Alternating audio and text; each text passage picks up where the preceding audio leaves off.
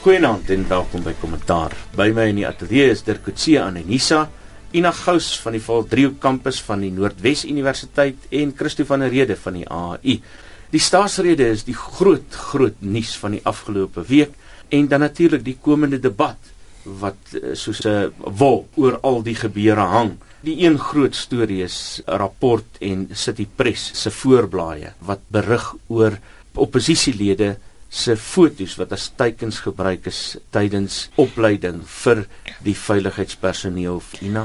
Kyk, mense wil nie glo amper wat jy lees nie. Mense wil nie glo dis moontlik in in in ons land se demokrat demokrasies op die stadium dat 'n polisie mag vir so iets gebruik kan word nie en dat dit die waarheid kan wees en dat dit ons dit gesien het uitspeel voor ons oë donderdag aand nie. En uh, mense het baie vrae en mens probeer sin maak van dit alles. En ek dink die die koerantberigte vandag moet ons bekommerd maak en moet ons laat besef daar is baie rooi vlag wat nou ewe skielik wapper. Dirk, wat 'n rooi vlag is daar? Wel ek, ek dink dit wat die mens nou begin sien of wat jy kan inlees in die gebeure van donderdag aand was dat die die ANC in die eerste instansie want hulle is in beheer van die situasie as die regering en die meerderheidsparty het hulle eintlik begin instel in 'n in 'n oorlogspsigose. Ehm um, en as 'n mens kyk na die voorblaaie nou is dit almal oorlogskonsepte, militêre konsepte wat gebruik word en dit is gesien as 'n stryd en ek dink die die voorbereiding wat die ANC en die speaker ge, ge, gemaak het vir omdat hulle ek meen dit was duidelik dat die EFF met een of ander optrede gaan kom en hulle het dit relatief goed uitgespel voor die tyd. Ehm um, is dit nie om 'n mate van dialoog tot stand te bring nie. Ehm um, om die probleem probleem te ontlont nie, maar dit eerder tot 'n punt te dryf. Ehm um, en dan dit in is in 'n in, in terme van 'n sekuriteitsoptrede te probeer uh, oplos as ek dit so kan stel. En dis hoekom alles wat ons nou sien het te konsentreer op die eerstens die selfoonsyne wat geblok is, tweedens die optrede van die sekuriteitsmense. Ons weet nog nie of hulle polisie is of waar hulle vandaan kom met hulle wit hemde nie. Ehm um, maar dit is duidelik dat hulle hulle en die feit dat hulle baie gewapen was. Nou ek my, eh, ons het daar van tevore daaroor gepraat.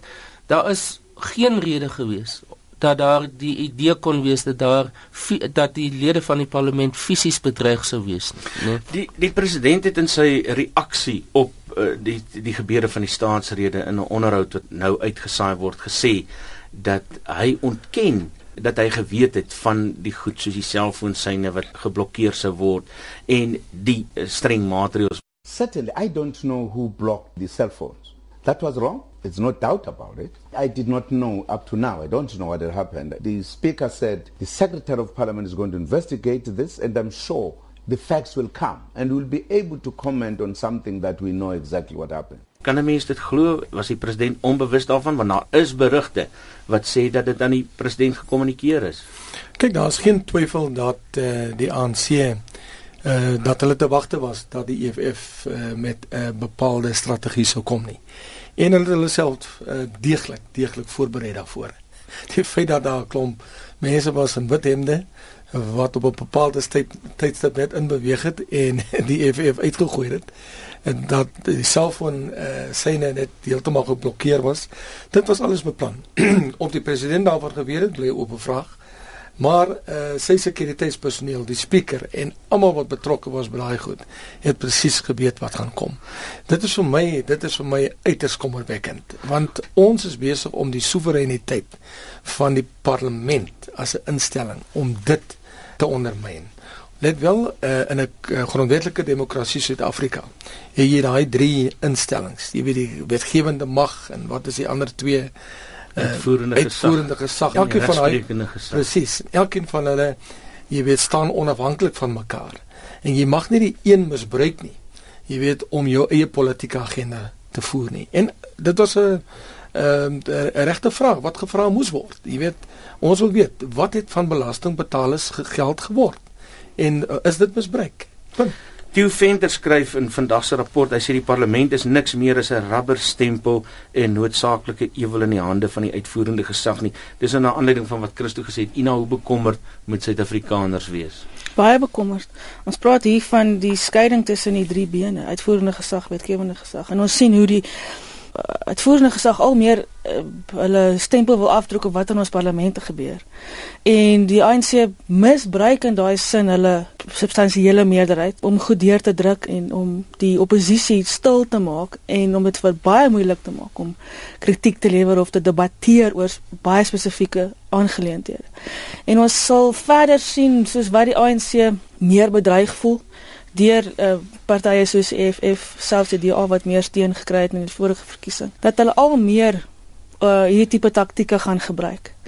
En uh, ons moet bekommerd wees want die parlement is juis die kamer, die plek waar hierdie probleme opgelos moet word en nie erger gemaak moet word. En ek weet dis 'n baie eenvoudige stelling om te maak, maar dit is baie belangrik om te onthou hoekom dit bestaan.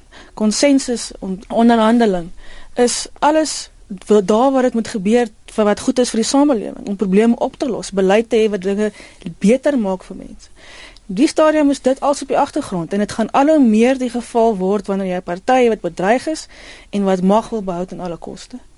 Dirk, jy het nou nogal donderdag aand toe ons hierdie gesprek gehad het tydens die staatsrede, het jy min of meer ook die twee oppositiepartye wat ook nou op mekaar reageer. Jou reaksie op dit wat Ina gesê het. Ja, en ek, ek wil ook reageer op wat uh, Theo gesê het, uh, want dis ek dink ons is altyd in debat met mekaar oor hierdie tipe van sake. Ek ek wil effens van 'n ander kant daarna kyk. In die eerste instansie dink ek wat ons besig is om te gebeur kan ook geïnterpreteer word as meer klem wat op die parlement geplaas word. Dat in steede daarvan dat dit gesien word as iets wat uitnet in die hande van die uitvoerende gesag van die regering is, begin die par parlement nou meer 'n identiteit van sy eie ontwikkel. En hierdie gebeure van nou, ehm um, sowel as die gebeure van Augustus verlede jaar bring die oppositiepartye of maak hulle meer prominent. Ehm um, en dit wys ook dat hulle die parlement as forum gebruik om die regering te konfronteer. In die verlede was dit nie werklik so gewees nie. Die die, die ANC het te groot meerderheid gehad en die oppositie was te klein of was te veel verdeeld gewees. Nou is dit ons 'n meer gekonsolideerde oppositie tussen twee of drie partye. Hulle is meer effektief, sou ek sê daar's groter koördinasie. Ons het dit gesien met die die staatsrede. Hoe eerstens het die die DA toe die e e Vryheidsfront toe EFF toe die verskillende partye begin mekaar ondersteun. En en met die uit eers is, is die EFF uitgegooi toe die DA uitgestap toe die UDM en toe Cope. So daar daar is 'n mate van koördinering en versterking wat besig is om plaas te vind en dis goed vir die parlement. Want die parlement begin 'n forum word waar ek dink vorentoe gaan ministers as hulle weet hulle moet hulle begrotingsrede gaan gee of hulle moet na parlementêre komitee toe gaan, 'n portefeulje komitee, gaan hulle nie net daar stap en dit is deur die deur die proses gaan nie. Hulle kan verwag dat hulle gekonfronteer gaan word deur oppositie. En ek dink dit is die tipe van groei wat ons nodig het. Is ek dink wat mense kan sê is is dat ons nou 20 jaar gehad wat ons in 'n mate in 'n in 'n euforie geleef het van die die momentum van die oorgangsproses van die regering van nasionale eenheid van president Mandela se teenwoordigheid. En nou het ons 'n punt bereik wat ons sê goed, ons is dit is uitgeleef nou. Daardie momentum is in groot mate verby. Nou moet ons 'n nuwe bedeling tot stand bring wat vir die langtermyn vir Suid-Afrika goed gaan wees. En hoe gaan ons dit doen met 'n dominante party aan die een kant wat besig is om steun te verloor en 'n groeiende oppositie? Wat is elkeen se rol binne die parlement in verhouding met die uitvoerende gesag? En ook wat is die rol van die regsprekende gesag omdat hulle baie betrokke raak nou aan beleidsaangeleenthede, interpretasie van die grondwet wat meer en meer prominent word. So ek dink daar's baie positiewe elemente ook ten spyte van die negatief oënskynlik negatiewe gebeure wat ons nou sien. Weet jy, ek wil net aansluit by wat uh, Dirk jy weet noem rondom daai tydperk, ek noem dit sommer die honeymoon periode. Weet dit is nou verby. En nou sien ons dat daar's 'n klomp goed nie reg in hierdie land nie. Eerstens sien ons die gaping tussen ryk en arm. Ons uh, jy weet is besig om groter te raak. Uh, die hoeveelheid mense wat in armoede leef, veral in plakkerskampe, hulle beweeg nie werklik waar vorentoe nie. Ons sien uh, die staat uh, sukkel toenemend om sy verpligtinge na te kom. Uh, staatsskuld is besig om toe te neem. Baie belangrik ekonomiese groei is jaar na jaar en maand na maand besig om af te plat. En as jy die ongeregtighede van die verlede wil aanspreek, dan kan jy dit nie doen sonder ekonomiese groei nie. Die twee gaan hand aan hand. As jy 'n swart ekonomiese bemagtiging te weer wil bring, dan moet dit gepaard gaan met ekonomiese groei. Dit kan nie kunsmatig gebeur nie. En dit is die goed waarop ek graag wil hê die parlement, die regerende party en oppositiepartye moet op fokus. Ek het nou net vir iemand gesê op hierdie oomblik, jy weet, is ons politici soos 'n klomp kinders by die strandoord. Almal het hulle speelgrafies saamgeneem en is besig om sandkastele te bou, spat mekaar nat met die water. Jy weet maar niemand waag dit werklik waar om dieper in die water in te swem nie. En party skop die sandkastele op. om. En dis presies. Jy weet, maar as ons in hierdie land 'n werklike toekoms wil bou, dan moet ons begin diepte gee aan ons politiek.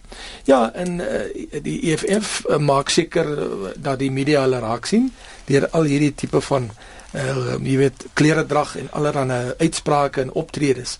Maar jy weet, gaan ons werklik waar uh, is dit nie dalk uh, nog net 'n uh, erger vorm van sandkasteelpolitiek nie. Jy weet, uh, die DA aan die ander kant probeer ek nou, jy weet seker goed doen om 'n bietjie die media kalklig te haal. Terwyl Christo dit sê, on, ons het vroeër ook al gesels oor wat in sommige kringe beskou word as die briljante aanloop van die EFF tot uh, die staatsrede. Al die goed wat hulle gedoen het, die tooi tooi op pad uh, parlement toe, die weiering om op die rooi tapuit te loop en op 'n manier het hulle iets geskep wat deur party mense as briljante politiek beskryf word. Maar het iemand gesê dalk net daai stappie te ver gegaan. Wat moes die EFF gedoen het om volwasse politiek te bedryf van daai punt af waar hulle die land en die hele parlement in die palm van hulle hande gehad het? Wel ek, ek dink baie mense begin hulle of sommige mense begin hulle te kritiseer ook van binne die EFF dat hulle fokus te veel net op president Zuma is terwyl die groot vraagstukke soos wat Christo nou genoem het in 'n sekere sin nie aandag kry nie. So ons kan baie maklik kan dit die situasie ontwikkel dat ehm um, president Zuma begin eintlik die fokuspunt word vir die definiering van die verskillende politieke partye van waar hulle staan. Ehm um, terwyl die dit die res van die land in 'n sekere sin eintlik op sy eie aangaan.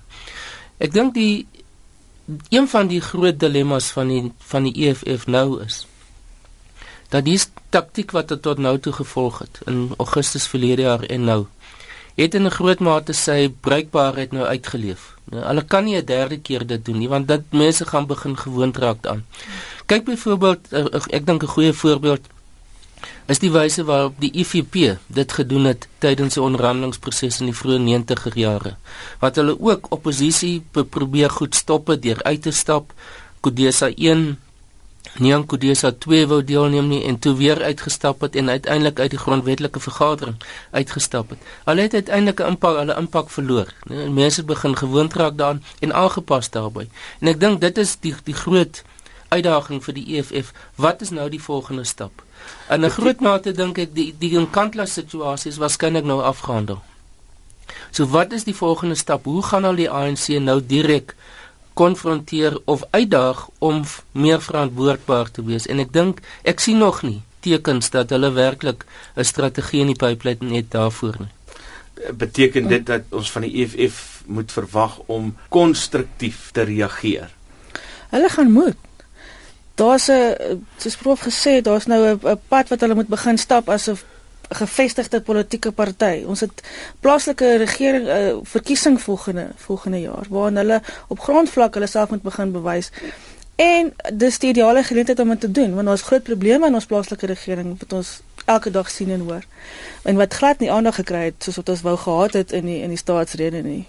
En uh, hulle gaan moet begin kyk na hoe hulle optree en hulle eie um uh, strukture en die onderlinge geskille wat ons gesien het in die afgelope week of twee gaan hulle nie enige gunste doen nie. Hulle gaan dit baie uh, gou moet uitsorteer en ek dink as hulle op 'n punt begin met hulle begin met uh, hofsaake oor leierskap en leierskapsverkiesings gaan gaan hulle geloofwaardigheid baie vinnig aan 'n pad stap.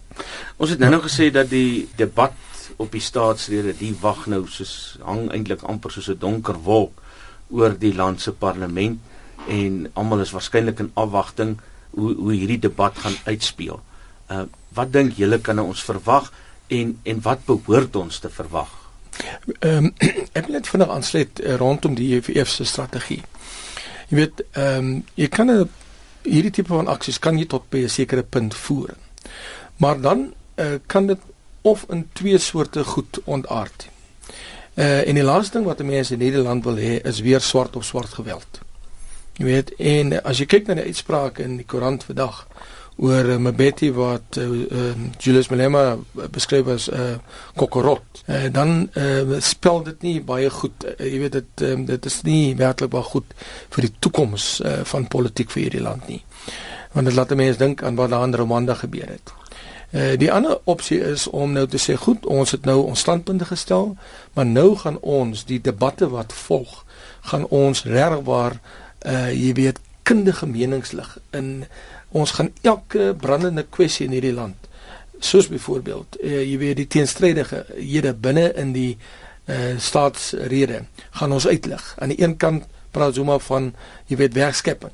Aan die ander kant sê maar ons gaan arbeidswetgewing byvoorbeeld hersien aan die een kant sê ons ehm um, jy weet uh, wil 'n landbou uh, die geleenthede in landbou wil ons verder uh, ontwikkel maar daar's heelwat uh dubbelsinnige uitsprake rondom grondbesit, grondhervorming en nou ook die hele ding rondom buitelanders wat beperk word in terme van grondbesit. Gaan nou oor ons gaan nou oor daai ja. inhoud gesels van van die staatsrede. Ek wil hê ons moet daarna kyk. Maar terwyl Christo nou melding maak uh daarvan Ina jy dit ook nou-nou genoem en Dirk ook watter skade weer werp dit oor die komende debat in die parlement? Dit werp skade weer in die eerste plek. Wel, het verskillende invalshoeke. Ons praat hier van die spreekers van ons parlement wat veronderstel is om onafhanklik te wees en en en en en en, en nie so betrokke te wees in terme van van politieke uitsprake nie. En sy het dit gedoen by 'n ANC vroue liga byeenkoms in Noordwes. Waar sy nie net hierdie uitsprake gemaak het teen Malema en EFF nie, maar ook teen die media. Baie sterk uitspraak. En sy gaan nou weer daar sit um, aan die stuur van sake by by die debat. En uh, daar's geen twyfel meer dat die EFF oor al die goed wat sy hierdie naweek gesê het, ehm um, iets te sê gaan hê nie. En het hulle die proses amper 'n verskoning gekry het alweer om die proses ehm um, te hijack. En so ek voorsien nie dat ons 'n rustige debat gaan hê nie en wat my pla is in die opsig is dat die EFF die geleentheid gaan gebruik. Die DA gaan waarskynlik 'n kans kry, maar kleiner partye wat ook verkiesing uh, daar verkies is deur mense.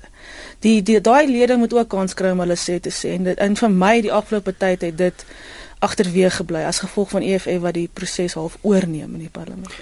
Ja, ek wil net daarbey aansluit. Ek ek dink die wat ons gesien het met die gebeure donderdag, ehm um, is 'n werklike verdieping van wat ek van tevore genoem het, die verdieping van die polarisering tussen die verskillende partye. So ek dink nie ons kan hierdie komende week enige vorm van toenadering tot mekaar sien nie. Ten minste nie in die begin nie. Miskien later aan die einde van die week.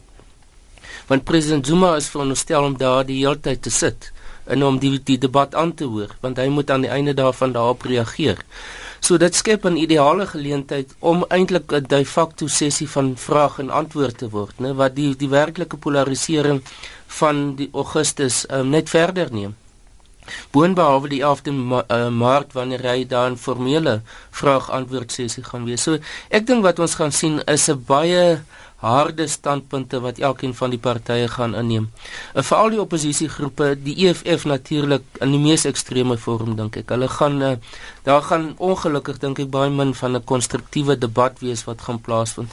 President Zuma gaan uit en uit die teiken wees van veral die EFF, maar ek dink ook van die ander partye en dan hierdie kwessie van die telefoon uh, syne gaan weer herhaal word. So ek dink ons gaan 'n herhaling sien van donderdag aand. Nie soseer van die uitgooi en die die, die aksie wat geneem is nie, maar eerder die intensiteit van die skerpheid van die die polarisering wat daar plaasgevind het.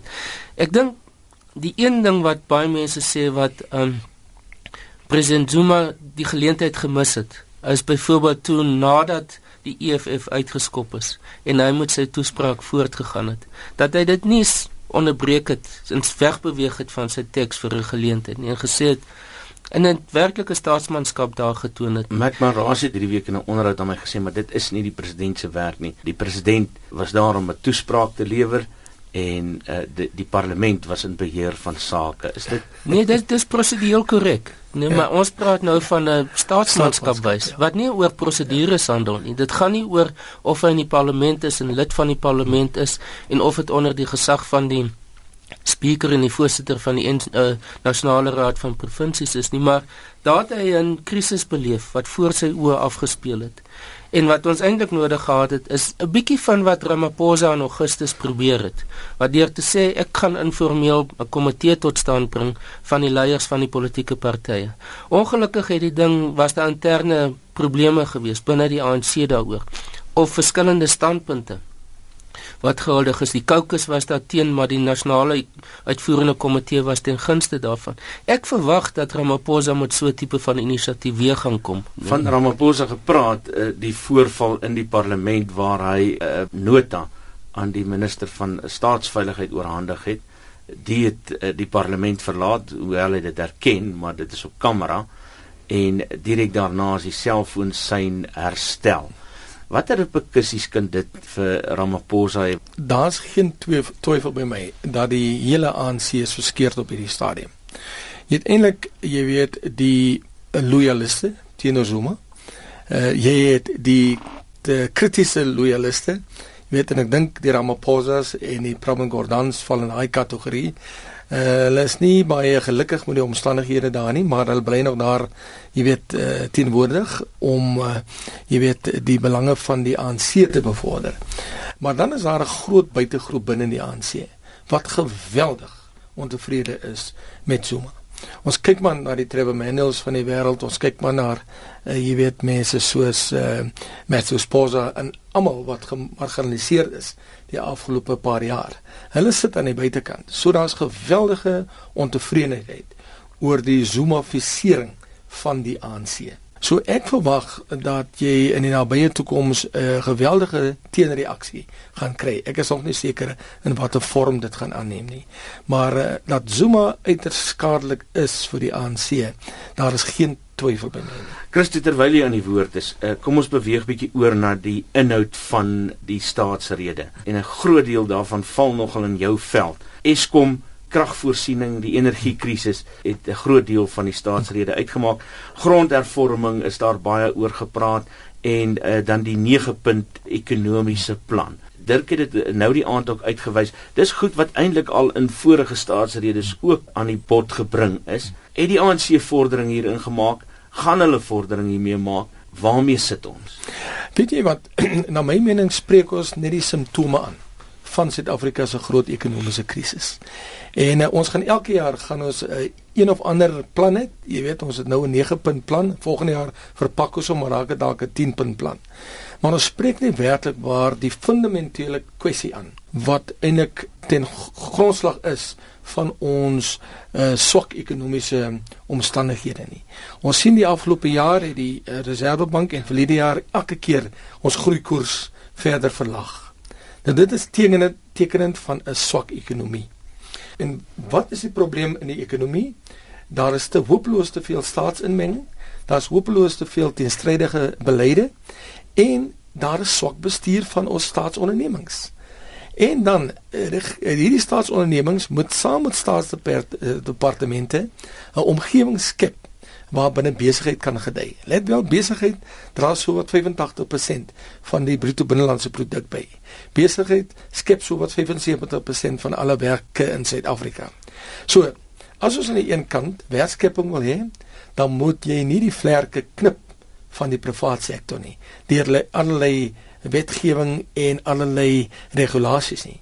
Jy moet hulle juist dan vrye teels gee om te kan doen wat hulle die beste doen en dit is om ekonomiese groei te bewerkstellig.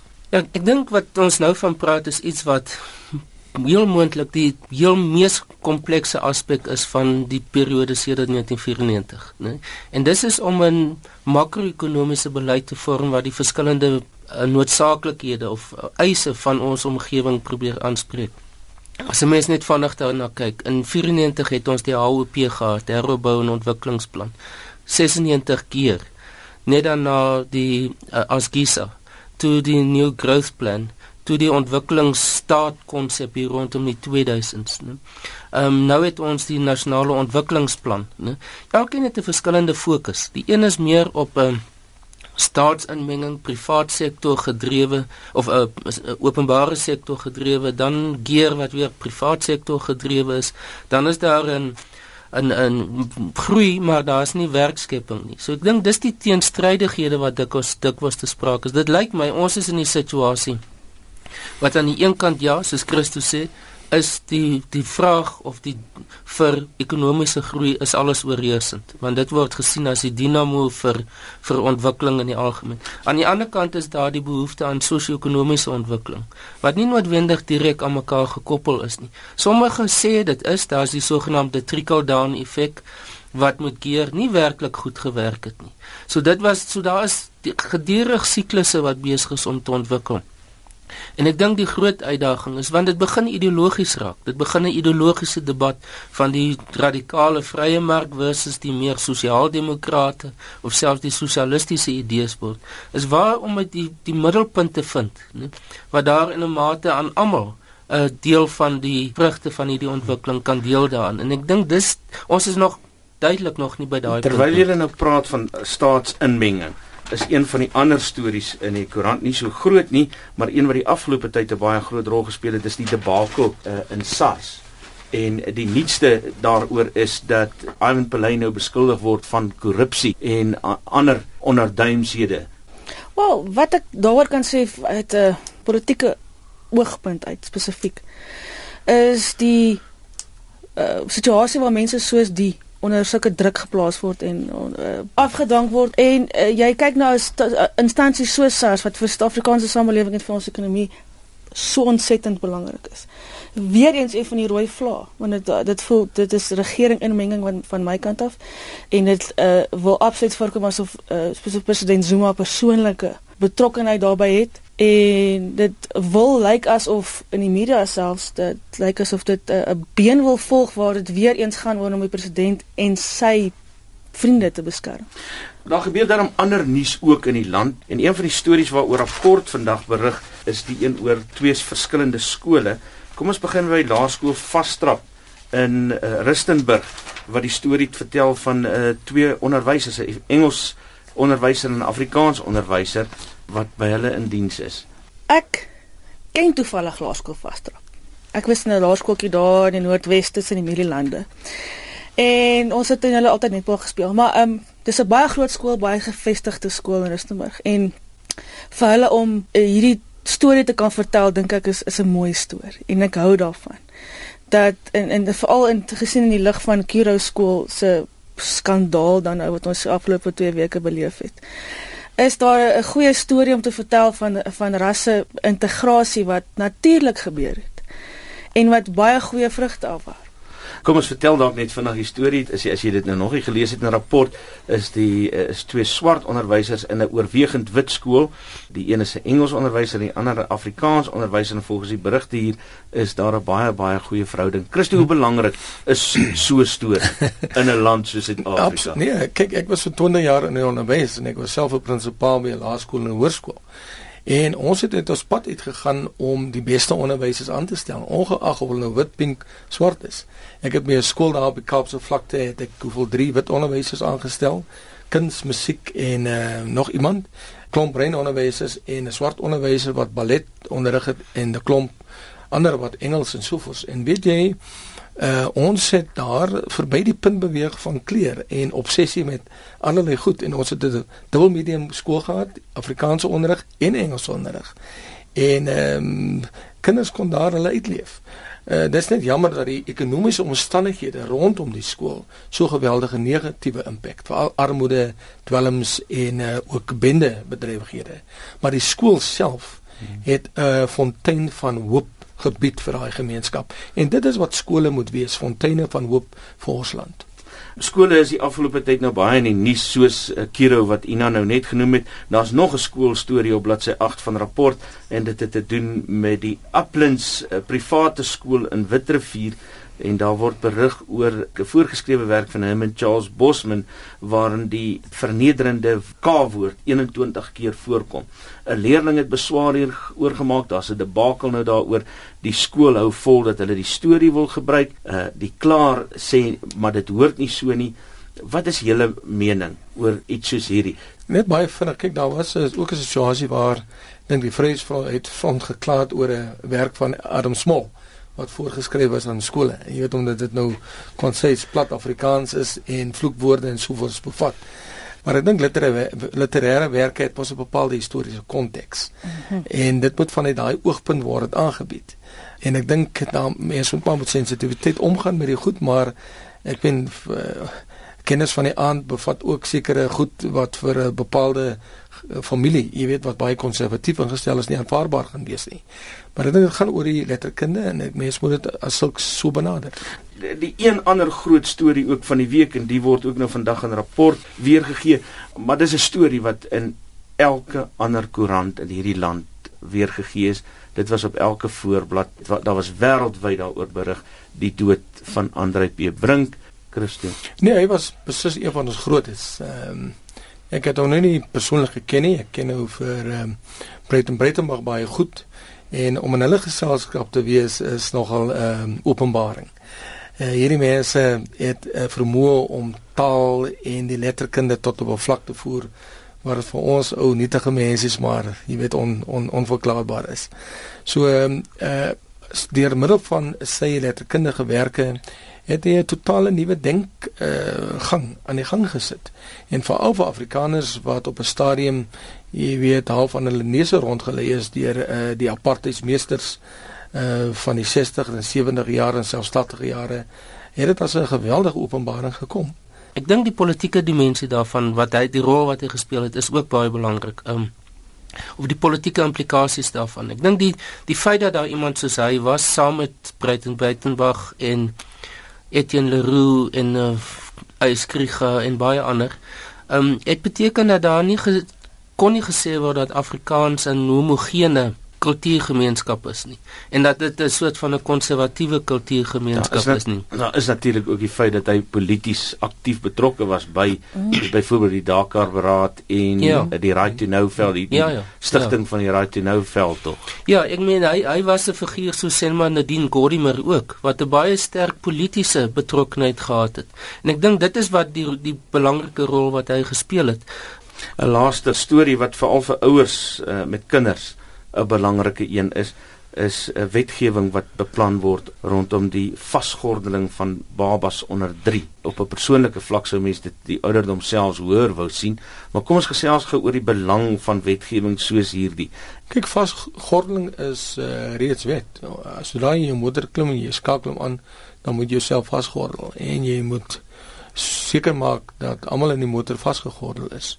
En ek dink eh uh, gegee die klomp ongelukke wat nou plaasvind, is dit belangrik dat ons die veiligheid van kinders moet verseker. En onverantwoordelike ouers en onvoordelike bestuurders moet begin vasvat. Eh uh, maar uh, daarmee saam wil ek ook sê dat ons veral die wetstoepassers moet hierdie goed behoorlik toepas en nie hulle posisie misbruik om uh, jy weet allerlei ander goederes by mense uit te kry nie soos geld of wat ook al nie. Ja, ek dink die eerstens is die ons ongeluksyfer oor die algemeen is baie hoog. Ehm um, en enige maatreël wat gaan dit probeer verlaag op 'n manier dink ek moet ons ondersteun. Een ding wat ons as Suid-Afrikaners soms dink is dat ons oorgereguleer is, maar gaan na 'n land soos Duitsland of Amerika of Swede dan sien 'n mens werklik wat regulasies is wat selfs in die persoonlike sfeer ingaan, soos aspekte soos hierdie. So ek glo nie dis 'n onnatuurlike reëling of iets wat oormatig regulasie tot stand bring nie. Dis eintlik iets wat besonder nodig is vir ons. Ja, van die veiligheidspersoneel sê altyd of die nooddienswerkers sê altyd dis 'n verskriklike gesig om te sien wat gebeur met 'n kind wat op 'n agtersitplek sit. Ja. Party van hulle gebruik die kri uitdrukking 'n vleisprojektiel wat ek dink nogal iets van die uh, Oh, dis 'n realiteit wat 'n mens by jou moet inkom, ja. Wat wat is presies wat gebeur? Daar is niks wat daai kind beskerm dan nie. So ek is ten gunste van sulke wetgewing vir om die oorlewingssyfers vir kinders hoër op te maak. Nou ja, dit bring ons aan die einde hopeloos te gou van kommentaar op die dag terwyl almal die roes van hulle liefde afslaap. Baie dankie aan my gaste vandag. Dit was Dirk Coetzee van Unisa. Ons het ook vir Ina Gous van die Noordwes Universiteit se Val Trio kampus en Christo van der Rede, uitvoerende hoof van die AI wat vanaand saam met ons gesels het. 'n Baie lekker week vir julle tot volgende week as Iver Price weer terug is in die stoel.